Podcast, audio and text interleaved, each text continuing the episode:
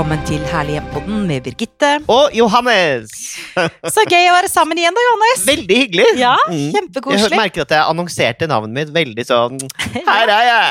Ja, men du er full av håp og livskraft, og vi er inn i juni måned, og oh. sommeren ligger foran oss. Og, Endelig. og forhåpentligvis kan alle få lov til å bli vaksinerte og reise og kose seg store og små sammen. Og bade.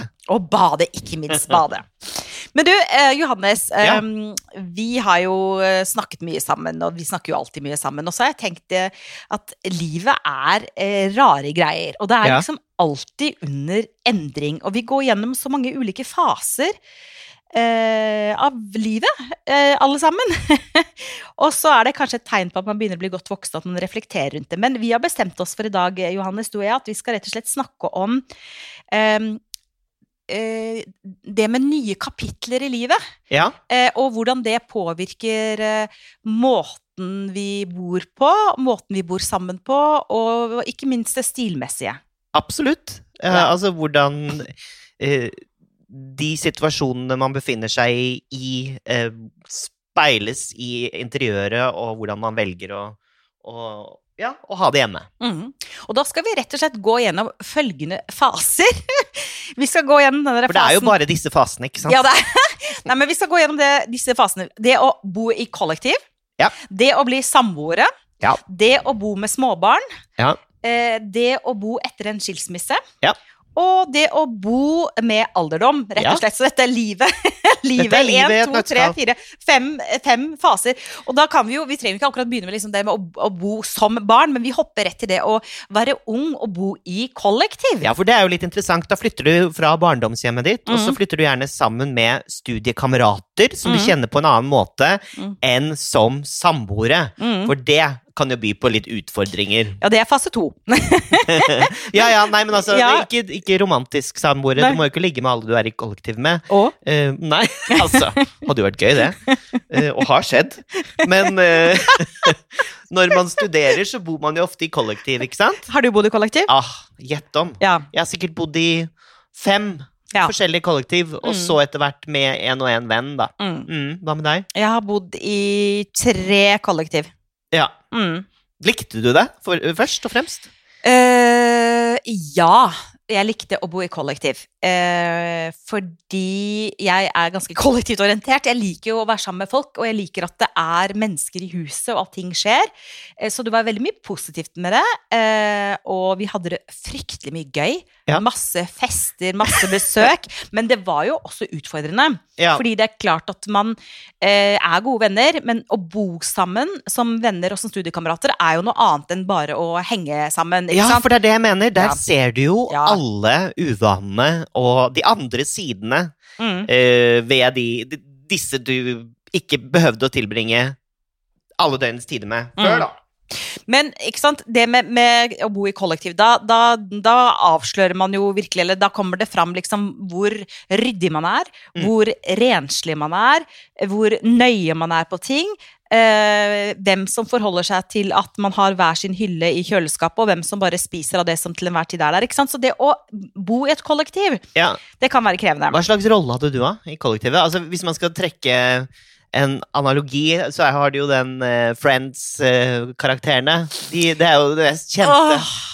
Nei, Kollektivet. ja, nei, da tror jeg hva, har heter hun mørke som er Monica. Jeg var nok litt Monica, altså. Okay. Eh, som går og rydder og, og Rydder og vasker og kanskje småkjefter litt, vet ikke. Men det jeg gikk alltid pynta. Altså, I hvert fall første kollektivet jeg bodde i. Da bodde jeg sammen med to menn. To gutter, da. Eh, nei, tre! Tre. Og da, da var jo nok jeg liksom litt det, det, det sånn feminine alibiet. Så jeg var jo den som hang opp blondegardiner og plukka blomster og, og var litt mer opptatt av de andre enn å ha det pent. Ja. Jeg tror jeg var ganske sånn konservativ i stilmessig sett eh, i den alderen. Hva med deg? Jeg var vel mer sånn eh, Joey. Ja, men du var en ryddig Joey, det må du ha vært. Eh, ikke som student! det har kommet etter hvert. Men det er jo et par ting altså, Jeg tenker at Vi kan gå litt gjennom de Ja. forskjellige fasene. Og så er det noen nøkkelspørsmål jeg tenker er litt kult å, å, å stille. Ja. Og når det gjelder kollektiv, hva blir det viktigste rommet? i, i et kollektiv for, for de som bor der? Enten stue eh, eller kjøkken med god plass. Ja.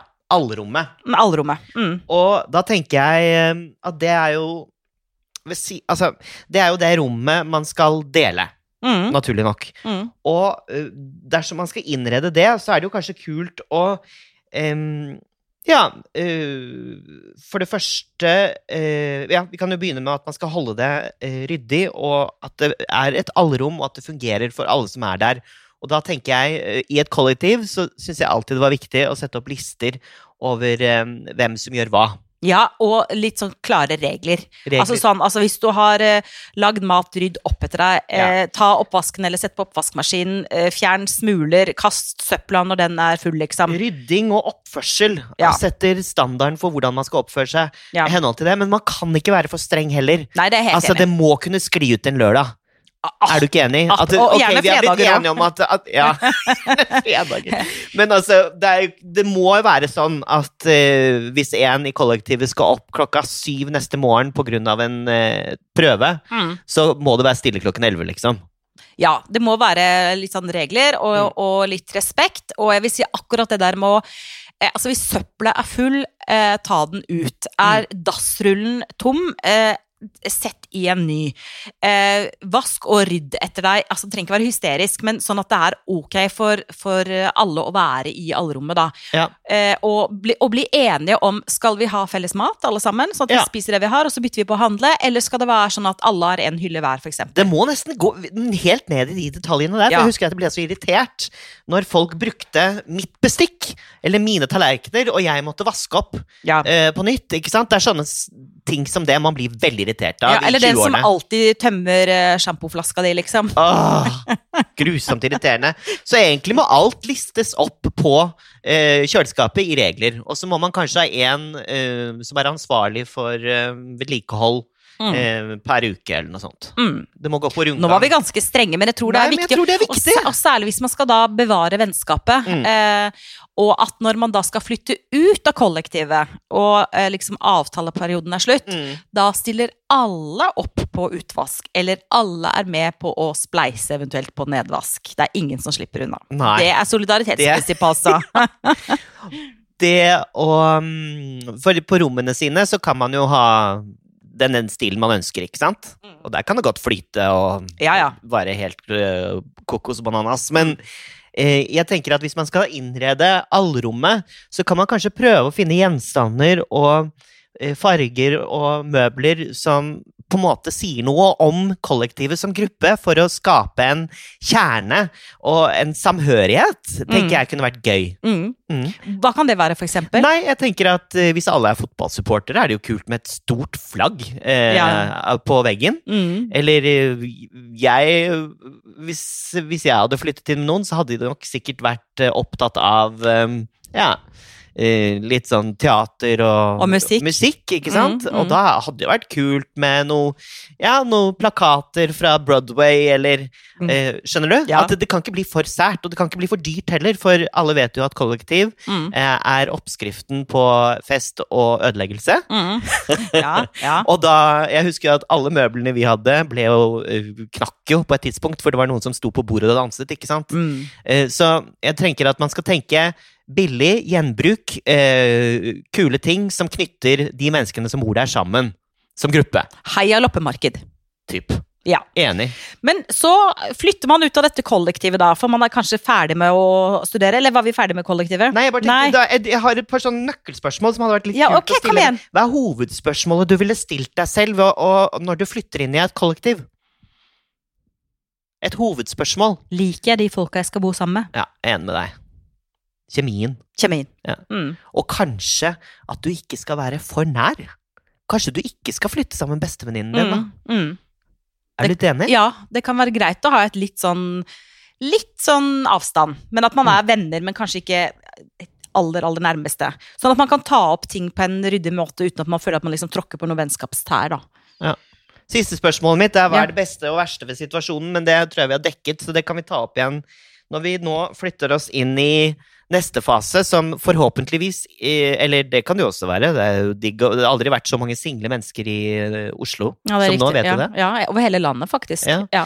Så det er jo topp, det. Men eh, dersom man skulle få seg en Samboer. Ja Hva ville du tenkt på da? Eller hva er viktig da? Ja, det kommer litt an på hvem samboeren er. Altså Hvis det er en kjærestesamboer, Ja, det er det jeg tenker på. ja, hvis det er kjærestesamboer, så vil jeg først og fremst tenke på Elsker jeg han? Flytter, flytter du sammen med en eh, Jeg, jeg, jeg, nei, det er derfor jeg ville ikke flytte sammen hvis det var en jeg ikke elsket. Nei, nei, ikke sant? Nei, ja, så det, kanskje, Det er hovedspørsmålet ditt, ja. pretty, ja. Pretty obvious. uh, og så ville jeg vel uh, Men la oss si du ha, Nei, jeg ville ha tatt Jeg vet hva, jeg tror faktisk at jeg ville hatt en god del prat på forhånd. Om hvordan man ønsker å være samboere, og hvordan man ønsker å bo sammen. Mm. Altså, hvem er vi, hvem er du, hvem er jeg, hva er viktig eh, når det gjelder eh, hjem og bolig og hybel? Vet du hva jeg ofte har erfart? Er at veldig mange nye samboere skal forme hverandre inn til noe eh, man ikke ble forelsket i i utgangspunktet. Mm. Slik at man prøver å forandre den andre personen, og det er ofte hold, øh, Nå får jeg sikkert masse kjeft, men det er ofte kvinner som skal endre mennene sine. Mm. Eller jenter som skal endre guttene. Mm. Og også de som De tar ofte overhånd også, hva interiør angår. Ja. Og selv om mennene eller guttene ikke sier fra om det med en gang, så kan det virke uh, som en litt sånn skurrende faktor. Mm. uh, og irritere i bunn, Mm. tenker jeg. Men det er, det er jeg faktisk helt enig med deg i. At uh, det er sånn at eh, jentene og kvinnene ofte tar litt vel mye overhånd. Eh, og det kan også da resultere i at den mannlige partneren da etter hvert gir litt beng. For å si at dette er jo ikke min stil i det hele tatt. Her Ja. er det jo bare blondegardiner og rosa puter. Eh, hva har det med meg å gjøre? Altså hvis, hvis mannen har en mer sånn typisk klassisk maskulin stil, da. Så Ja. det, er noe, det er noe å tenke Eller på. at man får plass til Chesterfield-stolen sin, eller Ja. får plass til det store anlegget, da. Mm. Eller øh, Ja. Ja, ja, ja, og jeg er Eller barskapet. Ja, men jeg er helt enig, men jeg tenker at eh, når det gjelder sånn interiørmessige ting, så må man si hva er viktig for deg, og hva er viktig for meg, og så må man ikke nødvendigvis eh, komme til en sånn helt omforent stil og skal ha lik smak. Det som kanskje er de mest spennende hjemmene, er jo de hjemmene som klarer å ha en dynamikk Ja. mellom det harde, det myke, det maskuline, det feminine, eh, et fargespekter. Eh, det, er, det er kult med litt sånn eh, eklektisk blanda stil, eh, som er litt sånn kreativt og ikke er For det, det, jeg tror den største feilen man kan gjøre, i hvert fall sånn stilmessig sett, er å si ok, nå lar jeg alt mitt ligge, og du lar alt ditt ligge, og så skal vi sammen gå på uh, Ikea eller Bohus eller Skeidar eller hvor det er. Ja, for det blir jo så, så kjøper man bare kataloggreier som ikke representerer de to personlighetene i det hele tatt, da. Ja, for hva er vel et forhold om det ikke skal være en, uh en kollisjon, eller en symbiose av interesser, Ja. og, ut, og at man utfordrer hverandre på de tingene? Mm. Og det bør jo egentlig speiles i interiøret man bor i òg. Mm. Eh, hvis ikke så eh, er- er- har man jo ikke noe identitet som par. Nei. Og hva er poenget da? Nei. Da kan man jo like liksom godt bare bo alene og møtes innimellom. Jo, men er du ikke enig? Jo. Jeg, veldig, jeg tror veldig på det, for jeg tror ikke jeg kunne bodd eh, sammen med min uh, samboer, Jens, hvis ikke jeg kunne hatt mine favorittgjenstander til Mm. synlig i interiøret. Han er jo veldig opptatt av ikke, eh, antikviteter og gamle ting og sånne ting, eh, og jeg er mer pop-art. Men den fusjonen av de to tingene har Mm. vært viktig for meg. Så tips eh, til folk som skal bli samboere, eller er samboere og kanskje syns det er litt vanskelig, det er um, respekter hverandres stil. Altså Selvfølgelig så er det lov å si at 'unnskyld meg, den der eh, stolen der kommer ikke inn'. Altså Det, det må være lov. Det må være lov å sette altså veto. Vetoretten. Men begge må ha vetorett. Ja. Unnskyld. Begge må ha vetorett. Og så må man bare prøve å være mm, litt rause med hverandre. Mm. Eh, og så mener jeg også at man kan si sånn Ok, jeg bestemmer det, men da kan du bestemme neste gang. Altså Hvis man ikke kommer til enighet. Og at man, man, må, man må inngå kompromiss. Um, ja. og, så, Jeg, og så snakke om ting på forhånd. Ja. Altså sånn, ikke minst snakke om det økonomiske aspektet ved interiør. For Ja. si at eh, man er litt over gjennomsnittlig opptatt av designmøbler, da. Ja. Og så skal man flytte sammen med en person som egentlig ikke er opptatt av det i det hele tatt, men som kanskje er heller opptatt av å bruke penger på ja, nå bare sier jeg noe, en motorsykkel. Ja. Ikke sant? Så må man også diskutere hvor mye skal vi, penger skal vi bruke på interiør, og hva slags interiør skal vi ha. Og så er det jo ikke så gøy å ha kjempedyre designmøbler man er redd for at noen skal søle rødvin på hele tiden. Nei, det er kjedelig, det. Det er kjedelig å, å sitte sånn på nåler, for jeg har vært i de situasjonene. Ikke sant? Hvor jeg har sittet sånn og bare fulgt med argusøyne på gjestene og vært redd for det. Og det er, det, man blir ikke en god versjon av seg selv, for å si det sånn, Birgitte. Nei, han gjør ikke det. Men du har vært redd for det? eller? Ja, jeg har vært redd for det, med gjester. Mm. Ja. Men uh, nå gir jeg litt, rett og slett litt beng. Mm. Mm. Altså, et hjem skal leves i. Eh, Mm. Det må veldig gjerne være vakkert og inspirerende. Selvfølgelig, vi driver jo med herlige hjem, men, Ja. men eh, det skal kunne bebos, vil jeg si. Ja. Beboelig estetikk. Beboelig estetikk slår vi et slag for. For så skjer jo det at man har vært samboere en periode, Ja, og så skilles man. og så skilles man. Men det kan hende at det er et liten mellomfase før det, som jo veldig mange er Oh, ja. og veldig mange av Ja, våre unnskyld, lyt lyttere ja. og seere er Det, det var ikke så relevant for meg, skjønner du, og da, da tenker jeg at det ikke eksisterer. Fasen med småbarn. Ja. Hva er gode tips og råd når man skal bo med barn? Eh, Spør du meg om det? Ja. Ja, interessant. da tenker jeg jo at Du har jo besøk av barn da, Johannes. Og så har jeg jobbet eh, veldig mye med TV-program Ja. og barnefamilier. Ja. Og hvordan de skal få dette her til å funke. Blant annet eh, i et program som het Rom 123, faktisk. Ja. Og det gikk ut på at eh, par Mm. eh, skulle inngå kompromiss for å få, få til en løsning som funka for dem begge. Det var hele premisset. Og da var det mange barnefamilier, og det de ofte mm, barnefamiliene eh, gikk i fella på, Ja. var at det skulle være så damn functional. Altså at det skulle være så funksjonelt. Ja. Så estetikken gikk rett i søppelkassa, Mm. og det lå og fløt av leker overalt! Og Mm. sånne bleier og suttekluter og sånne du vet, sånne grinner som jeg rangler på, som man skumper borti og slår tåa i hele tiden. Og Ser ut som du har spist en sur sopp, altså. jeg, jeg begynte å klø med en gang, skjønner du. Så jeg tenker at uh, man må prøve å finne praktiske løsninger som også er estetiske. Og det er en utfordring for barnefamilier. Jeg vil si Når det gjelder barnefamilier, så vil jeg si at sørg for at det er en plass rundt bordet til alle. Sånn at alle kan sitte rundt et bord. Det er jeg veldig opptatt av. at alle kan sitte rundt et bord. Ok, Så har du kanskje en stol som er sånn, og en stol som er sånn. Så mal en eh, turkis og en rosa og en oransje, whatever. Men alle skal kunne sitte rundt et bord. Det er jeg veldig opptatt av. At, Ja. ikke sant? at det, det er viktig at vi samles rundt matbordet. Så det er viktig. Alle må ha en ordentlig stol. Og så er det en annen ting som jeg er kjempeopptatt av. Kurver, kurver og atter kurver. Den er lur. Ja, altså man kan ha store kurver, man kan ha små kurver.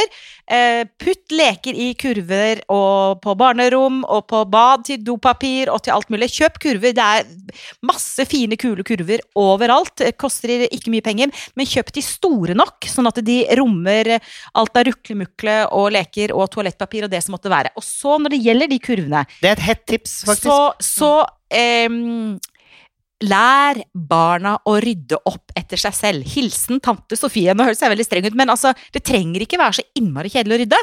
Eh, hvis man setter av eh, et kvarter hver dag, setter på noe gøy musikk, se nå er det ryddetid. Eh, alle rydder. Hvis Mm. alle rydder et kvarter hver dag, så blir det ikke så rotete, altså. Nei, og det er jo Det bygger karakter. Da, da gjør man eh, noe fint i oppdragelsen også, tenker jeg, da. Det er litt som du sier, da, å sørge for de hyggelige sosiale sonene, og uh, sørge for at estetikken er uh, noenlunde ivaretatt, selv om det er lite søvn. Mm. For uh, man trenger ikke å la alt forfalle, og at ting bare blir hvitt og ja, tomt Mm. uh, for å gjøre det praktisk. Det vil også slite på forholdet, tenker jeg, da, og hverdagen. Mm. Det er viktig å omgi seg med hyggelige ting. Uh, og så tenker jeg også en siste ting rundt det, er å, å finne fram litt glede og humor i interiøret. Ja. Og det, med det så mener jeg at, at man ikke skal ta seg selv så innmari høytidelig i den fasen av livet med barn. Mm. For da blir ting knust, ødelagt, revet i stykker, forriper. Mm. uh, man blir størt på. Mm. Og da trenger man ikke så utrolig mange dyre gjenstander og møbler stående framme, Mm. ikke sant, som man Mm. er redd for. Mm. Sett dem i boden kanskje i den perioden, og ta dem fram senere. Um, for man kan kanskje tillate seg å ha litt mer sånn Litt mer bruk-og-kast-mentalitet som småbarnsfamilier. øh, og litt mer gjennomstrømning i den tiden.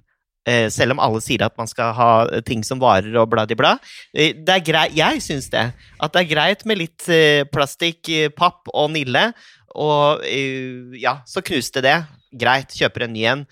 akkurat i den perioden. Og der er vi skikkelig uenige.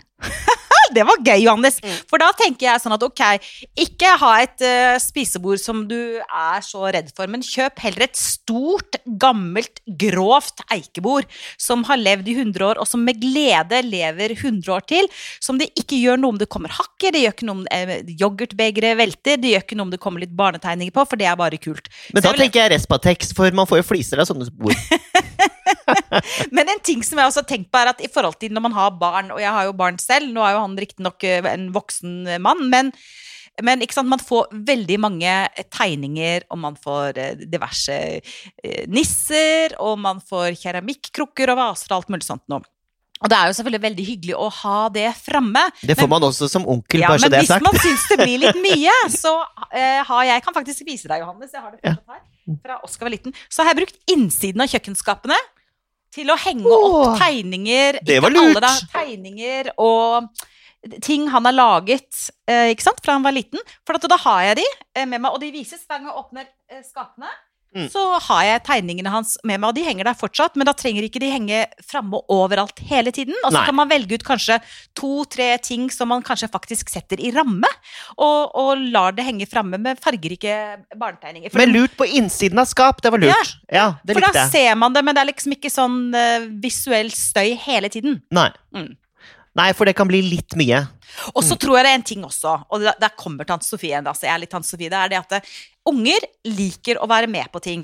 Eh, de liker å føle seg som en del av familiedynamikken og en del av fellesskapet. Det er helt i orden at barn har oppgaver, at barn lærer seg at de er en del av et fellesskap, at foreldrene ikke skal løpe rundt og bare betjene og betjene og betjene barna. Selvfølgelig gjør vi det, vi elsker ungene våre i enn himmelen, men altså, det er lov å eh, lære de å re opp senga, lære de å sette skoa på plass, eh, lære de å?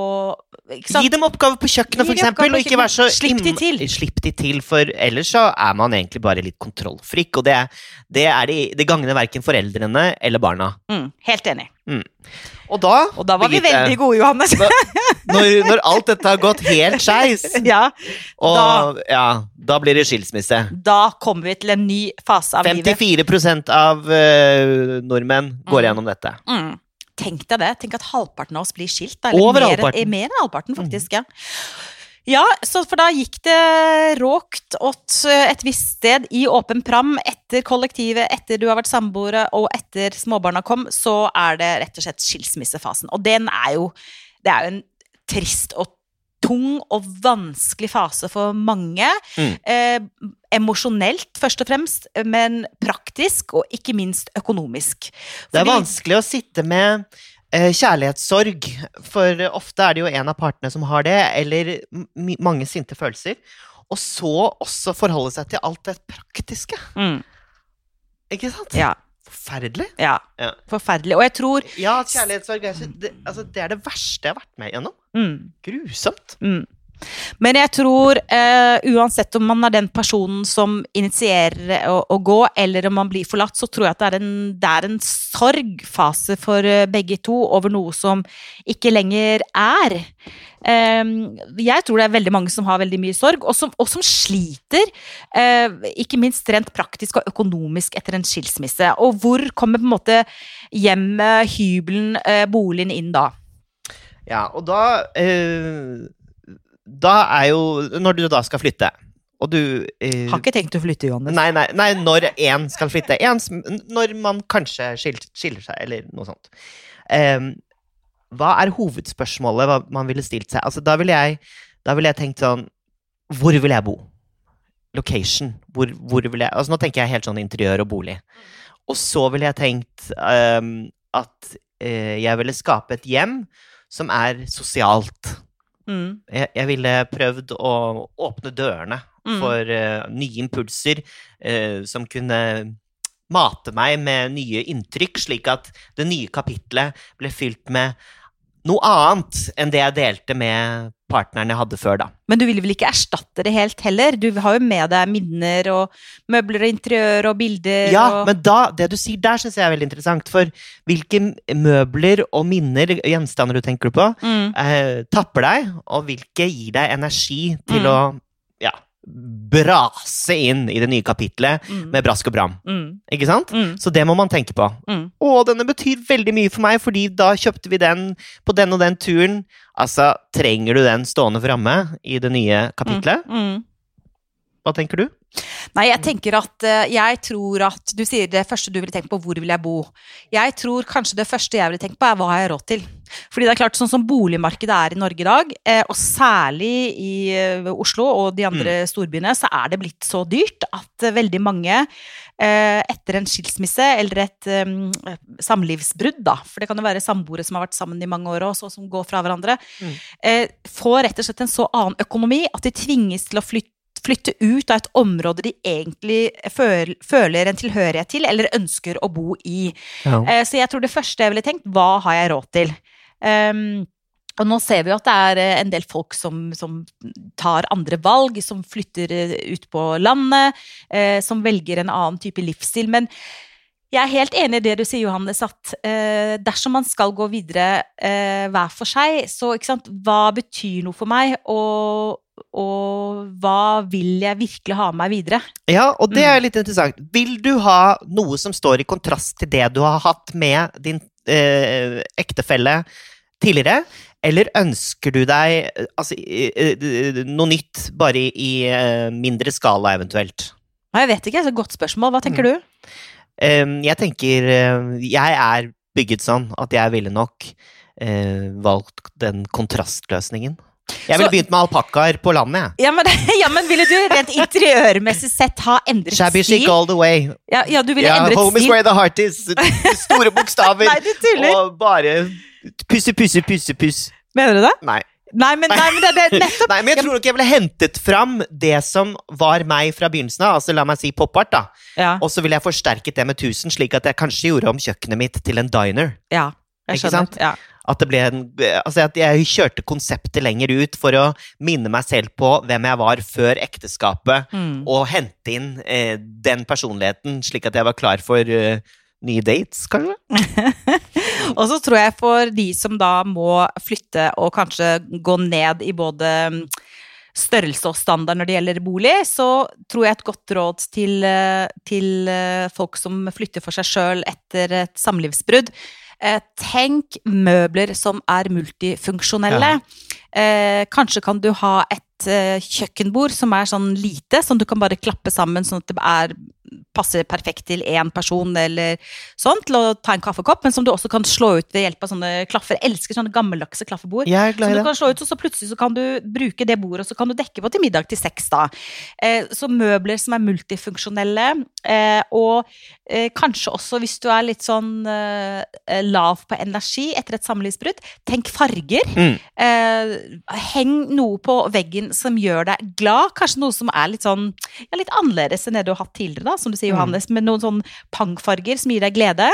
Mm. Eh, og så eh, vern om estetikken rundt deg selv eh, i forhold til å gjøre det som gjør det sånn at du trives, enten det er ved å ha, kjøpe en bukett til deg selv hver fredag, eller det er å ha store grønne planter, eller det er å tenne lys, eller det å kjøpe seg en sånn bitte liten sånn eh, bærbar peis, vet du, sånn som Tenderflame har. Som finnes, altså det, det du liker som gjør at du blir happy, Ja. eh, er eh, Det er viktig. Og hvis du sliter psykisk etter et brudd, eh, så husker jeg da jeg hadde kjærlighetssorg, virkelig. Da Dette høres kanskje corny ut, men da fikk jeg sånne små kort med lure setninger om spørsmål jeg skulle stille meg selv Uh, om hvordan jeg følte den dagen. Sånn pick me up-greier. Sånn, ja, positive boost, ting. Sånn boost. Husk på at, for eksempel, eller hvorfor tror du at Og så uh, var det egentlig eh, et svar i spørsmålet. Hva heter Mm. det? Det heter Det er et ord for det. Ja. Et retorisk spørsmål. Retorisk spørsmål, Ja, ja. Uh, og det var så digg å begynne hver morgen med det. hadde jeg på nattbordet. Så bare dro jeg opp et sånt kort, leste det. Mm. Og det her høres veldig sånn selvhjelps ut, men altså, det var jo det, da. Og, Ja, men er ikke det bra, da? jeg, jo, jeg tenker at det er bra, men det Og noen ganger når man er litt frynsete og i vanskelige situasjoner i livet, så ja, så hjelper faktisk de eh, kanskje klisjéfylte tingene Uh, ja, som en påminnelse. Mm. Mm. Og gå ut og kjøp deg én rull med en tapet som du syns er bare helt fantastisk vakker, men du har ikke råd kanskje til å tapetsere hele stua med den dyre eh, designerskilt, eh, hva det nå enn måtte være, tapeten, men kjøp deg én rull og eh, kle en bitte liten vegg, eller ta en tapetstrimmel på 1 meter og 70 centimeter og sett på en ramme, eller bare fest den på veggen.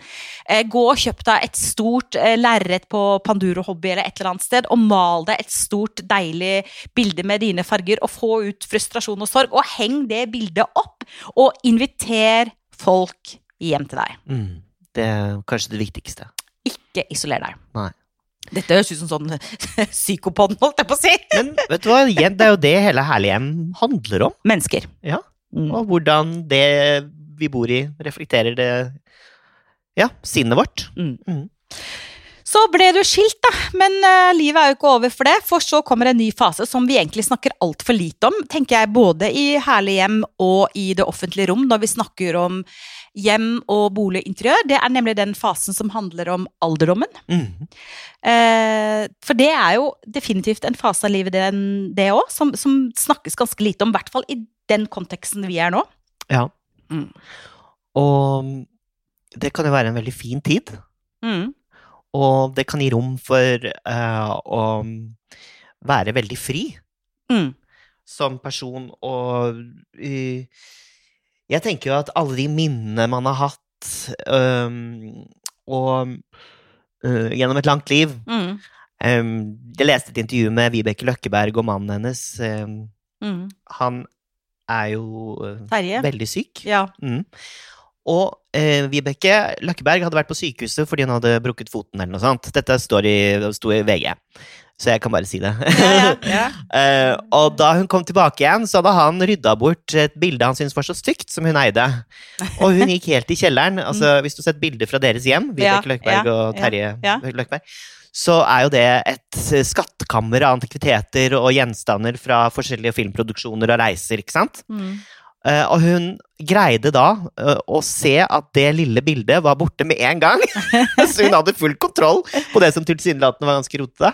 Um, og da uh, ble han så lei seg, for han hadde snobbet bort det bildet. Eh, for han syntes det var kitsch og sånn. Og det betydde så mye for henne, for det hadde hun fått av sin onkel eller noe sånt, og mm. minnet henne om det. Og da eh, husket han på det, eller ble minnet på at gjenstander um, vekker til live minner om, uh, fra livet som man kanskje har lagt i glemmeskuffen, ikke sant? Mm. Og derfor er det så Det syns jeg alltid har vært viktig, Birgitte. Å, Mm. å ta vare på ting. Mm. Jeg er helt enig. Det trigger minner som man egentlig ikke husker, og ligger i ubevisstheten, og så Mm. plutselig popper det fram Mm. når du, når du ser på disse greiene. Mm. Ja. Mm. Og så er jo alderdommen uh, ulike faser, den også. Det er klart at Hvis man må forlate hjemmet sitt og flytte på et Mm. aldershjem, så er det noe annet enn hvis man blir boende i hjemmet sitt. Men det er vel uh, det samme råd i den fasen av livet som i mange andre faser av livet. Omgi deg med det som gjør deg glad, um, uh, og som gir deg estetikk i hverdagen.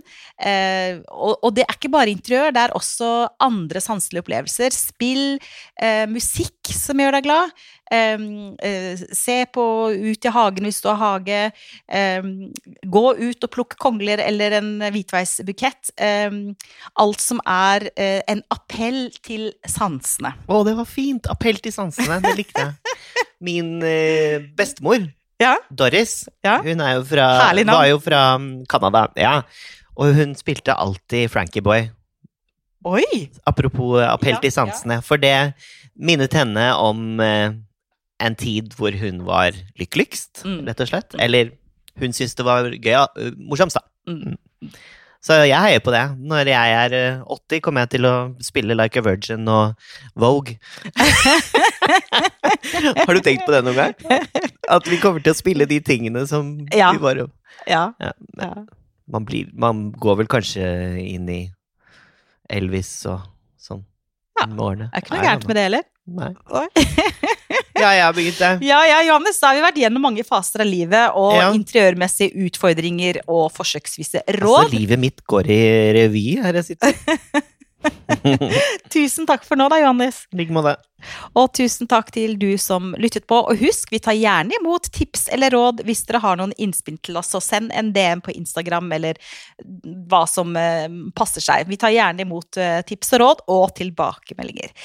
Tusen takk igjen, folkens. Vi er tilbake allerede om bare en liten uke. Og husk, ta vare på ditt herlige hjem, stort eller smått.